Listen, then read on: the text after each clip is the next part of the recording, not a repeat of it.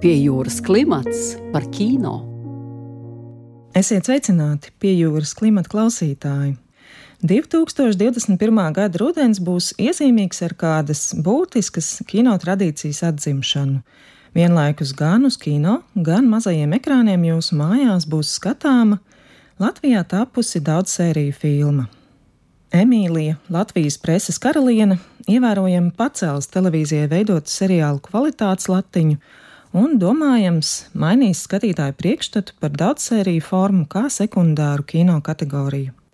Šīs daudzsēriju filmu scenārija pamatā ir pirmskara Latvijas preses magnātu Emīlijas un Antona Benjamiņa impērijas liktenis laika periodā no žurnāla atpūta pirmsākumiem līdz Emīlijas bojājai Sibīrijā. Apjomīgā projekta scenāriju veidojuši Baņuta Rubes, Ivo Briedis, Aiva Birbele, Tābita Rudzāte, kā arī konsultantes Māra Zālīte un Ineta Lipša. To īstenojuši režisori Kristīna Žēlve, Andris Mīsišs, Dāvis Sīmanis un Gins Grūbe. Operators Andrejs Rudzāts, filmas mākslinieki Kristīna Jurjāna un Aivars Žukovskis un citi izcili profesionāļi savukārt lomās redzams Latvijas aktieru zieds – par kura sapulcēšanu filmas režisors Miedamies saka, paldies pandēmijai, ka nevienam nebija jāskrien uz izrādi vai citu filmēšanu. Emīlijas Benjamiņas lomā redzama aktrise Guna Zariņa, Antonu Benjamiņu atveido Juris Bartkevičs, seriālā filmējušies arī Baiba Broka, Ligita Dēvica, Inga Tropa, Arturs Krastiņš un citi. Šodien pie jūras klimata studijā viesojas daudzsēriju filmas Emīlija Latvijas preses karaliene, režisori Kristīna Žēlve un Anns Mizišs, kā arī režisors un producents Gīns Grūbi. Labrīt! Labrīt! Labrīt. Kam un kad radās ideja veidot daudzsēriju filmu par Latvijas pirmskara leģendu Emīliju Benjamiņu? Tā radās Gintam. Jā, tā radās tādā zināmā dusmu brīdī, kad uh, mēs vairāk kā desmit gadus kino nozarē runājām par to, ka ir kāds žanrs, kas Latvijā neattīstās tā, kā tas varētu attīstīties, un tas ir daudzsēriju spēļu filmu vai TV drāma. Un tajā brīdī, kad uh, pandēmijas sākumā teātri aiz neko darīt, sāka veidot paši savus seriālus, tad mēs sākām zvanīt lielos zvanus, bet kino industrija jau desmit gadus par to runā, ka mēs esam tam gatavi. Un tā kā mums ar Andi Mīzišu bija sanāka ideja citam stāstam par 30 gadiem, tad, kad kinocentrs bija izsludinājis, Andis man zvanīja un teica, varbūt atgriežamies, un es teicu, nē, mums ir pavisam cita ideja, un tā sākās šis neiespējamā misija stāstam par Emīliju Beņāmiņu, bet tās ietekmes bija, protams, dažādas, kāpēc mēs nonācām līdz Emīlijas stāstam. Un iespējams, ka tam ir saistība arī ar ietekmēm no BBC seriāla Karaliene, domājot par to, kāpēc mums, latviešiem, šīs karaliskās tradīcijas nav pārstāvētas vai ir pārstāvētas kādā stāstā. Un pārdomājot par to, kas tad ir lielais 20. gadsimta narratīvs, tad nedaudz iedziļinoties, bija skaidrs, ka šajā stāstā tas viss ir. Un pateicoties diezgan mums visiem neierastajai lieliskajai komandai, tas stāsts veidojās tā kā puzle un kļuva arvien aktuālāks un dažādāks. Vienā brīdī, kad mēs domājām par to ideju, kāpēc tā filma ir jātaisa šobrīd, Baņuta Rubes teica, ka kas bija viena no scenārija autoriem, domāsim par šo filmu, par jaunākām ziņām, par ko šis filmas pamats stāsts, dramaturgiskais, ka jaunākās ziņas ir tāds Facebook mūsdienu, un Emīlija Benjāmiņa ir influencere. Tas bija samērā svētīgs aspekts, jo es veicu izpēti par to, kas ir Latvijā influenceri. Man liekas, ka Emīlijas Beņāmiņas stāsts ir vēl lielāks par tiem, kurus mēs Latvijā šobrīd saucam par influenceriem. Un to lielumu patiešām man šķiet varēja radīt kolektīvi radošā darbā, kurā bija Kristīne, Andis, Dāvis Sīmanis, četri scenāristi. Pirmoreiz mūžā tik dziļi arī pie scenārija tapšanas strādāja operators Andrejs Rudzāts. Un tas, ka mēs visi vēl aizvien līdz pirmizrādē esam esam draugi. tas nozīmē, ka tas patiešām bija radošs process. Jā, šo vēsturiskās filmas scenāriju ir veidojis autoru kolektīvs un vēl arī vairāk konsultanti. Kā tika veikts šis darbs, par kura apjomu un iedziļināšanos var vien nojaust? Es biju savulaik dzirdējis par tā saucamiem Writers rūmiem, kurus bija realizējuši slavenie skandināvu seriāli savā televīzijā, ka viņi liek nākt katru dienu scenāristiem, trijiem, četriem uz darbu un katru sēriju pārrakstīt. Pandēmijas apstākļos tas bija gandrīz vai neiespējami nodrošināt šāda veida apstākļus, bet uh, mēs, lai šo neiespējamo uzdevumu gada laikā izveidotu šo septiņu sēriju stāstu, bija svarīgi nu, atrast cilvēkus, kuri savstarpēji viens otru papildinātu un saprastos. Un tajā nozīmē tā komanda patiešām bija tāda. Visi no mums uh, ir strādājuši ar dokumentālo kino. Līdz ar to tā vēsturiskā izpēta bija visiem saprotama un ļoti svarīga. Un tur bija ļoti daudz detaļu, kas tādā scenārija tapšanā ir būtisks, kas tika nu, apkopotas. Un otrs, es teiktu, arī cilvēku, uz kuriem var paļauties, ka viņi visu izdarīs, ka viņi vienā brīdī nepazudīs, neaizbēgs pie šāda darba režīma. Un tādā ziņā tā komanda bija nu, ar zināmām iestrādēm tēmā. Baņu Trubes jau bija savulaik veidojis lūgu par Emīliju Beņāmiņu, Dāvis bija veidojis vairākas vēsturiskas spēļu filmas, Kristīna bija neatsverāms. Emīlija Beņāmiņa pati bija teikusi, ka viņa jaunākās ziņās ir mazākums, domājot no dzimumu līdzsvara viedokļa, tad mēs mēģinājām arī nodrošināt, lai radošajā grupā šis dzimumu līdzsvars tiktu ne tikai ievērots, bet arī lai visas puses tiek sadzirdētas par to rūpējās gan Kristīna, gan Baņuta, gan Inese, kas ir producente, Ines Grūba no otras puses. Tur bija ļoti daudzi aspekti, kā tas tika izslīpēts. Filmā redzamajā jaunāko ziņu un atpūtas redakcijā apgrozās ievērojami literāti, kolorīti, sludinājumu klienti, politiķi, slavenais gaišreģis Finks. Cik lielā mērā scenārijs tika balstīts patiesos vēsturiskos faktos un atmiņās, vai tā ir brīva variācija par preses karalieni, jeb tomēr mm, fikcija ar vēsturiskām detaļām?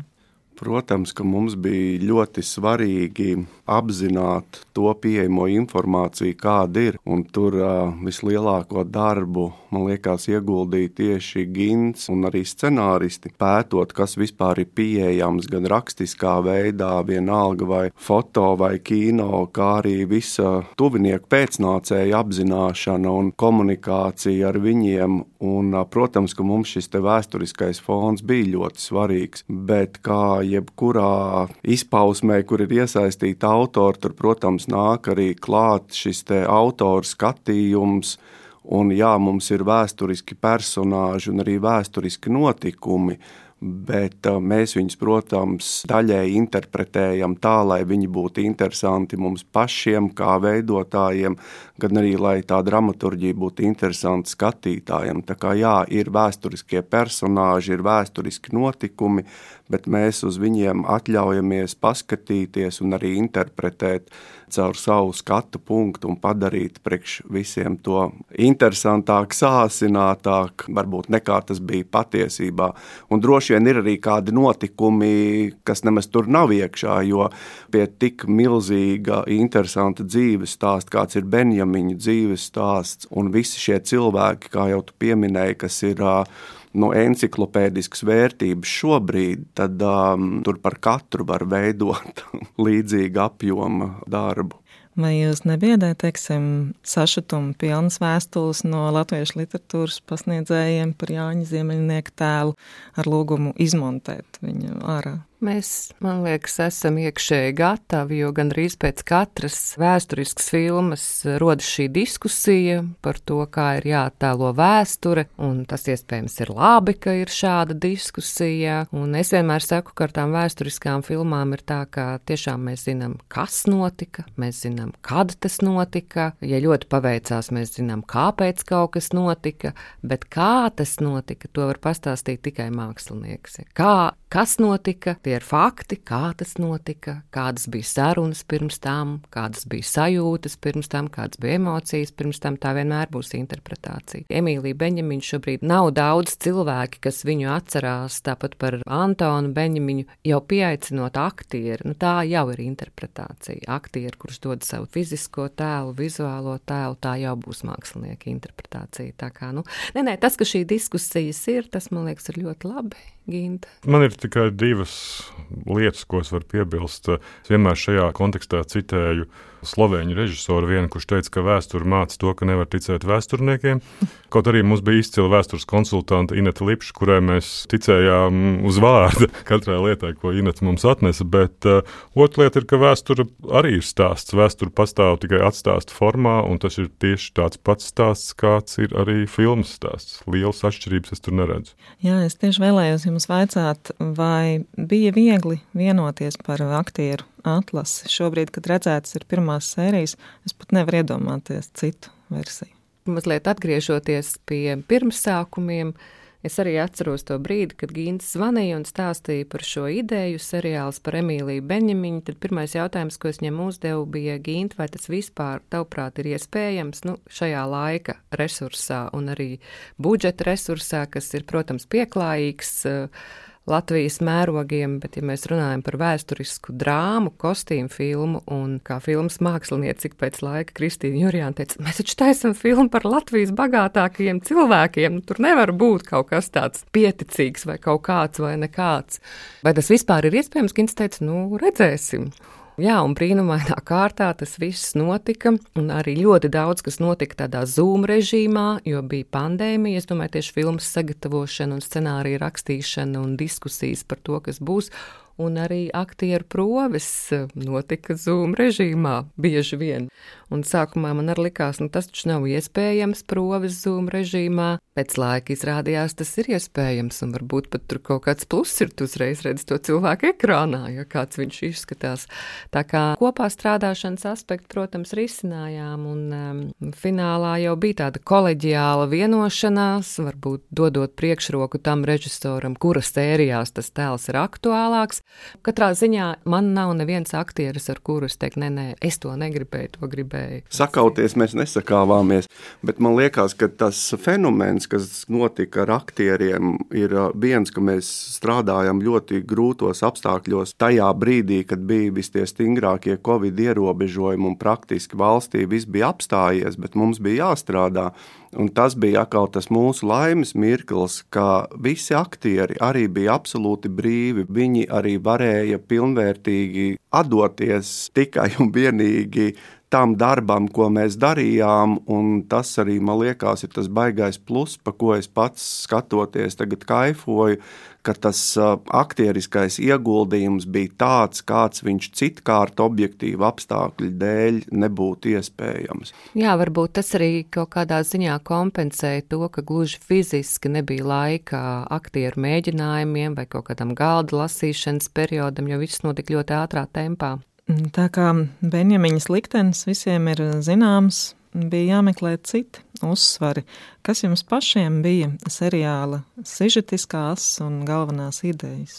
Galvenā tematiskā līnija jau tas skelets turējās ap jaunāko ziņu redakciju. Tajā nozīmē šo stāstu kā tādu savalkošo dramaturgisko līniju tā bija ļoti būtiska, un caur to varēja izspēlēt. Uh, daudz no mums ir strādājuši mēdījos, viņi saprot, kādas tēmas ikdienā mēdīji risina. Gan politiskas, gan vēsturiskas, gan intrigas, gan visādi šādi te, uh, aspekti, kas uh, jebkuram filmas stāstam ir vajadzīgi. Tajā nozīmē tā jaunākā ziņu un atpūtas redakcija bija ļoti derīgs resurss. No otras puses, es teiktu, ka iedziļinoties tā stāsta tapšanā no visām pusēm, jo katrs autors autors nāca ar savu informāciju klāt. Es teiktu, ka tāda līmeņa vai apjoma monogrāfija un informācijas apjoms par šo vēstures periodu Latvijā es neesmu nekur lasījis.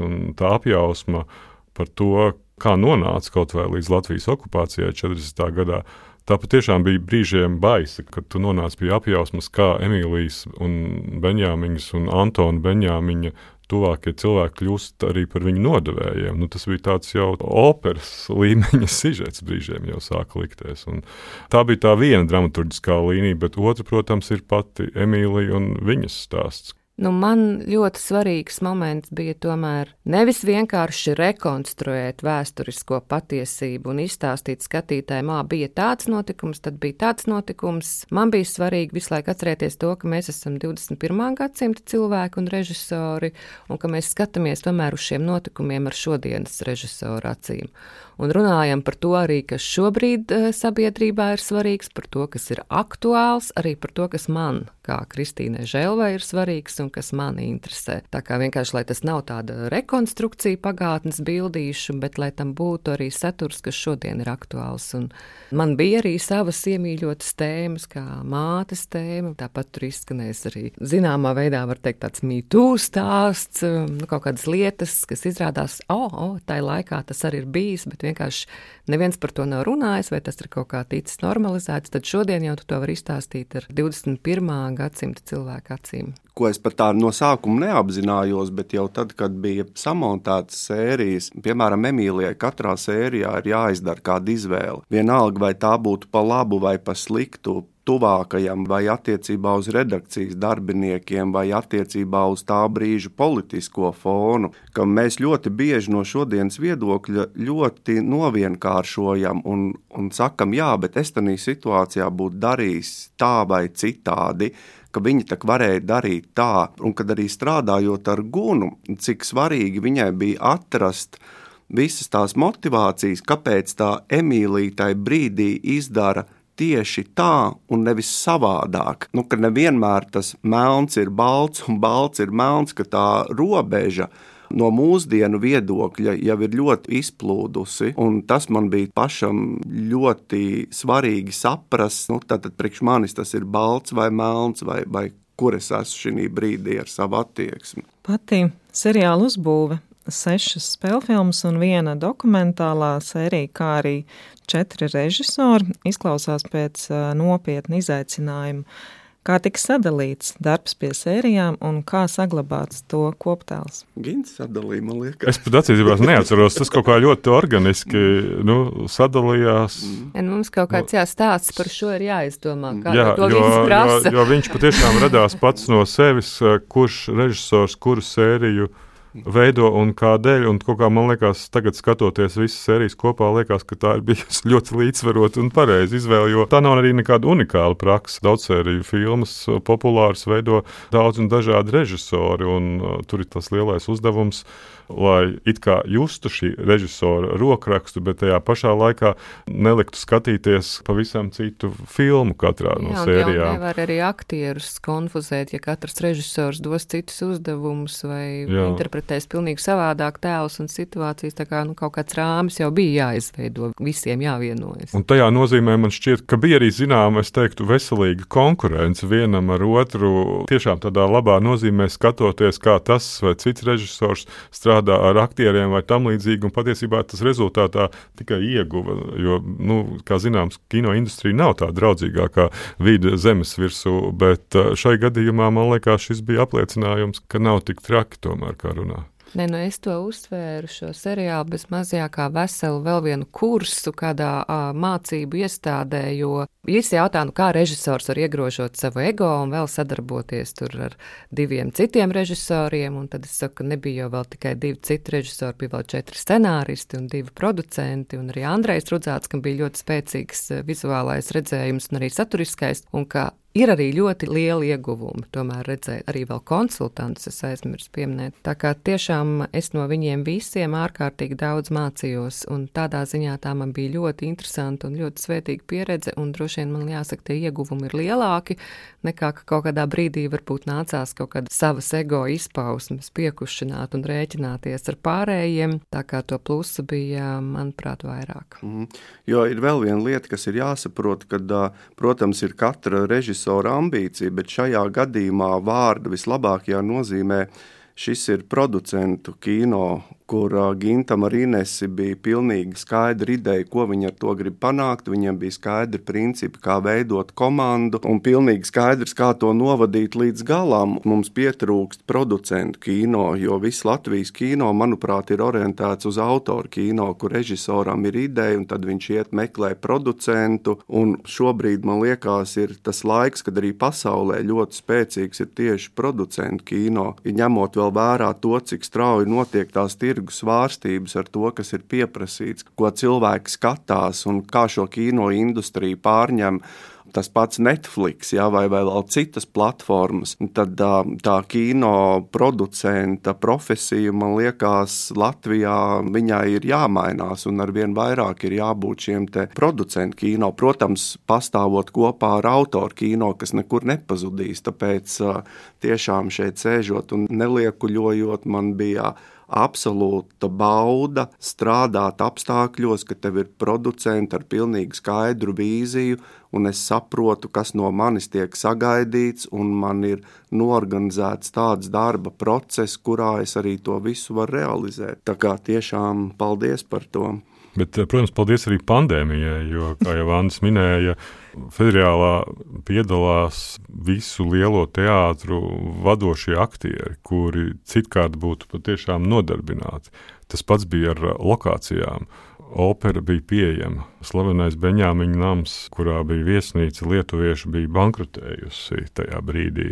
Apstāties Rīgā varēja jebkurā vietā tajā brīdī, kad mēs filmējām un nolikt visu karavānu. Pandēmijas ieguvumā patiešām ir, ir konkrēti ieguvumi, kāpēc tas ir iespējams, kas citkārt būtu daudz sarežģītāk veidojams stāsts. Viss kaut kā salikās. Bet, nu, protams, bija arī ierobežojumi, ko mēs jutām, nu, piemēram, masu skatu dalībniekiem.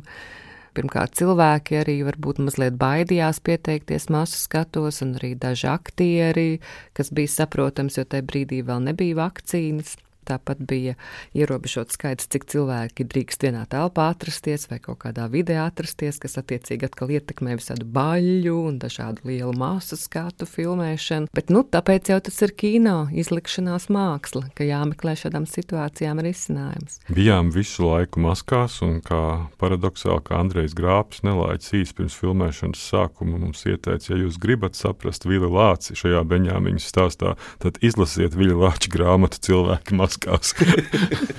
Jā. Bet tas arī bija ļoti interesanti. Arī kā režisoram, kad tev ir aktieris pretī maskā, tad sarunas brīdī vai, vai pauzēs tam filmēšanām, un tev ir jāsaprot no viņa acīm. Bet beigās jau, protams, tā maska neeksistēja. Jā, nu, viņa fiziski bija, bet to ar acīm jau viņa vairs neredzēja. Mums vēsturiskā konsultante Ineta Lipša, brīnišķīga vēsturniece un radoša persona, viņu visu teica pareizi. Tā kā mēs arī zinām visu, kā tad, kas notika, pa, tā kā pareizi pēc faktiem, bet mēs nevienmēr viņu klausījām. Tā kā mīļie vēsturnieki un skatītāji nevainojiet Inetu Lipšu, ja kaut kas neatbilst vēsturiskiem faktiem, tie ir režisori, kas atļāvās kaut ko mainīt un interpretēt pa savam. Seriālā redzamā vide, kostīmi, detaļas pārsteidz ar savu autentiskumu vai vismaz ar autentiskumu ilūziju. Kur notika filmēšana? Te, protams, ir pateicoties Kristīnai Jurjānai un Aivaram Žukovskim, kuri, manuprāt, ļoti precīzi un atbildīgi veidoja šī stāsta rekonstrukciju. Un tas, kas man šķiet, ka palīdzēja, bija pieejams ļoti plašs vēsturiskais materiāls, foto Beņāmiņu ģimenes bijušo jaunāko ziņu darbinieku fotoalbumi, kuri nesa un rādīja, kā izskatījās jaunāko ziņu redakcija. Un es pat nezinot, vakardien vēl atradu Viļņa rīznieku fotoalbumā jaunāko ziņu redakciju, un es biju šokēts, cik mēs esam precīzi viņu uzbūvējuši. Jo tāda fotografija nebija. Jā, un man liekas, ka, nu, ka tā sadarbība arī ar, ar dažādiem avotiem palīdzēja to rekonstrukciju veidot. Jo nu, es jau esmu kaut kur teicis, ka man liekas, ka kino veidotāji ir tā tādi arheologi, kuri to abadījumu vietu ļoti rūpīgi ar pinceti attīra, lai parādītu. Un šis bija tas gadījums, kurā Gunai Zariņai zvanīja sieviete, pie kuras nezinu, kādā veidā bija nonākuši savulaik Emīlijas Beņāmiņas šķīvji. Beņāmiņu ģimene nodeva mūsu rīcībā Antona Beņāmiņa rakstām galdu. Antons Beņāmiņš sēž pie īstā Antona Beņāmiņa rakstām apstrām galda filmā. Māra Ķīmēlē mums nodeva atpūtas redaktora galvenā Jūlija Lāča koka tintnīcu kraukļus un atpūtas īstos maketus. Tā kā, ja dažreiz saka, ka filmās viss ir izdomāts un nav īsts, tad nu, te bija arī diezgan daudz konkrēti vēsturiskie artefakti, kuri palīdzēja. Tomēr ir neīstas lietas, ir īstas, un viņas kaut kā kopā labi jā, jā. saēdās. Un ir tā, ka Citreiz jau skatītājs nu, neredz vai neatšķir, kur ir īsta lieta, kur ir neīsta lieta, bet uzņemšanas laukumā tu jūti, kad parādās kaut kādas īstas lietas, vai vide, vai telpa. Pat ja reizēm tas operatoru darbu apgrūtina, nu, jāfilmē reālā interjerā, kas varbūt nav ļoti piemērots gaismošanai vai kādām kameras kustībām. Tā sajūta, tā vārds enerģētika, kam daudz netic, um, nu, vienkārši kaut kas sāk kameras priekšā notikt. Un, ja kameras priekšā kaut kas notiek, uzreiz ir interesanti, jo tu jūti laukumā, un tad ir interesanti arī skatītājiem. Ja mēs nelietojam vārdu enerģētika, varam teikt, interesanti. Un to tiešām varēja just, kad parādījās kaut kādi īstie priekšmeti. Uzreiz aktieri tā kā savādāk ar viņiem sāk darboties, savādāk viņiem pieskarties, un kameras priekšā kaut kas notiek. Jo bija arī piektajā sērijā ir epizode, uz kuru strikti pastāvēja Kristīna Jurjāna, ka mums ir jāfilmē šī epizode Antona Benjāmiņa īstajā mūžā valdeķos, kas viņam piederēja, kas tiek dēvēta par Antonu uh, ideālo Latviju, kas ir kā 100 km no Rīgas, un no kino viedokļa varētu atrast daudzas līdzīgas mūžiņas Rīgas tuvumā, bet Kristīna bija ļoti konsekventa un teica, nē, mēs filmēsim tur, un tas bija tā kā visai liekas, filmēšanas grupai nonākt valdeķos, bija gūti pierādījumi, ka tos stāstus, kurus mēs stāstām, ka tos nav mūsu vecmāmiņa izdomājusi, ka viņi ir notikuši pa īstām. Jā, jā, nu kā saka Andrejs Rucāts, vide reizēm tas ir vēl viens aktieris, pilntiesīgs spēlētājs, kas parādās kadrā. Jo pat uh, Benjāmiņa namā, kad mēs filmējām preses balli, nu, to Venecijas stikla lustru, ko Emīlija ir savulaik atvedusi no Itālijas, viņu laikmets nav spējis aiznest. Neviena vara nav spējusi šo lustru nokabinēt un kaut kur aizvest projām. Viņa Vai vitrāža ar māsām mm. Benjamiņām, kur Emīlija saka, mani neviens neizdzēsīs, un viņi tiešām tur vēl joprojām ir tajā Benjamiņa nama vitrāžā. Vai gala rezultātu, jeb kaut vai pirmās sērijas, jau ir redzējis arī kāds no Benjamina dzimtas? Nē, Benjāmiņu kuplā ģimene apmeklēja filmas pirmizrādi, un viņi patiešām ir ļoti daudzveidīgi pārstāvēti Latvijā no daudziem gan Antona, gan Emīlijas Benjāmiņas, gan Emīlijas māsas pēcnācēju, daži no viņiem, kā Pēters Benjāmiņš, es teiktu, viņš bija mūsu grupas loceklis, kurš visu laiku nu, palīdzēja, gan valdeķos, gan arī ar, ar visu foto un lietu izpēti, kā rekvizītu sagādāšanu. Benjāmiņa ģimene ir viens no filmas veidotājiem. Vai sērijām ir ļoti būtiska pēctecība, jeb arī tās ir veidotas kā noslēgtas stāsta epizodes? Nu, veidojām mēs viņus tomēr kā kopīgu stāstu, jo es gan saku, ka katra šī sērija, kas ir kaut kāds posms Emīlijas dzīvē, varētu būt īstenībā vesela sezona, ja viņa tiktu izvērsta ap šo notikumu, kas risinās katrā sērijā bet mēs viņu veidojām tā kā secīgus notikumus, kas notiek ar Emīliju, bet, protams, ka gadu griezums ir diezgan plašs, sākot no 24. līdz 41. Es domāju, ka viņus var skatīties arī kā atsevišķus filmiņus, bet, protams, ka interesantāk ir skatīties vienu pēc otras, redzot gan kā attīstās vēsturiskie notikumi, gan kā attīstās Emīlijas raksturs, kas, protams, arī sazobē ar vēsturiskajiem notikumiem, veido kaut kādu dramaturģiju, gan kā attīstās citu redakcijas darbinieku vai citu tēlu raksturi, kas no draugiem un uzticamības personām kļūst par to, ko viņi kļūst. Tā kā tādā ziņā, es domāju, izsekot katra likteņiem ir, nu, protams, rekomendēts skatīties noteiktā kārtībā. Es domāju, ka tas ir noteikti attīstības stāsts. Jā, var katru sēriju nostīties autonomi, un tas notikums, kas ir katras sērijas centrā, būs saprotams, bet vēsturiskās attīstības konteksts, gan kā Kristīna teica, jau varoņu attīstība, es viņu uztveru noteikti kā vienu veselumu. Visu. Bet tur, protams, ir chronoloģija ir ļoti konkrēti ievērota no 1924. gada, kad eh, Benjāmiņa nolēma izdot žurnālu atpūta līdz 1941. gadam, kad Emīlija Benjāmiņa tiek deportēta uz Sibīriju. Un dokumentālā daļā tad arī stāsta tālāk par to, kas notika pēc tam. Vai dokumentālā sērija ir iecerēta kā noslēdzošā, un vai darbs pie tās jau ir noslēdzies? Jā, dokumentālā daļa vairāk stāsta par filmas varoņiem, kas ar viņiem notika vai kāpēc notika tajā brīdī, tā kā notika kādā no sērijām. Bet šo stāstu mēs stāstījām vairāk caur filmas vēsturisko prototipu pēcnācējiem. Kas ir tās viņu versijas vai viņu stāsti, gan Emīlijas pēcnācēji, gan Antona pēcnācēji, gan Viļa Lāča vai Jūlija Lāča pēcnācēji, kā viņi redz šo kopīgo stāstu, kas ar šiem varoņiem notika tālāk, līdz pat nu, mūsdienām, tā skaitā ar viņu īpašumiem. Un tas, kas bija unikāls, kas nekur iepriekš nebija ne publicēts, ne redzēts, tas bija Benjāmiņa ģimenes privātais arhīvs, kas ļoti detalizēti un precīzi parāda to 30. gadu pasauli, kurā Benjāmiņa dzīvoja. Tas arī lielā mērā bija pateicoties tam, ka Emīlijas adaptētais dēls Juris Benjāmiņš, kuram Emīlija uzdāvināja fotoaparātu, vismaz mūsu versijā, bet tā arī bija patiesībā, bija ļoti kaislīgs fotogrāfs un vēlāk Kanādā atvēra Kodak rūpnīcu. Un, Viņš savā pusauģa un jau pieaugušā stadijā ļoti kaislīgi un entuziastiski bija dokumentējis eh, visu savu ģimenes ikdienu. Tā skaitā veidojis vienu no pirmajām krāsu fotografijām Latvijā, kur arī bija publicējis žurnāls Atpūtas saulē. Veidojot Emīliju, jūs domājāt arī par agrāk veidotām latviešu daudzsēriju filmām? Mēs vairāk šobrīd domājam, kad uh, esam saistīti ar filmu izplatīšanu, jo es uh, daudziem prasu, vai jūs atceraties, kā rādīja filmu Ilgais ceļš kāpās kinoteātrī, kas arī ir septiņas sērijas, un lielākā daļa saka, jā, mēs gājām uz kinoteātri, un tāpēc mēs šajā ziņā arī nolēmām, ka mēs uh, nu, šajos laikos, kad uh, notiek saruna par to lielie ekrāni vai mazie ekrāni, mēs uh, nolēmām arī iet šo ceļu, ka filma būs pieejama arī uz lielajiem ekrāniem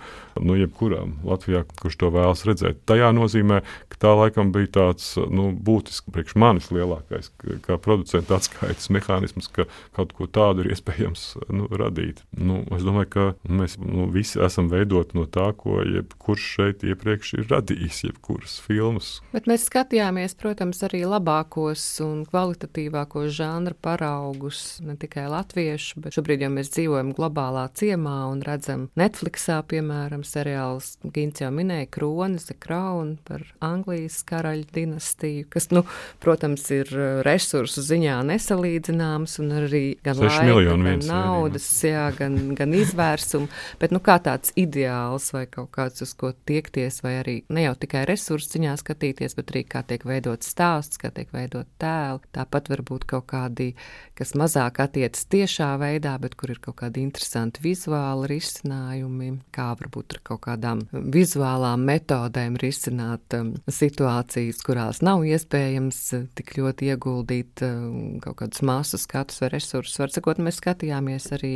jā, pāri robežām.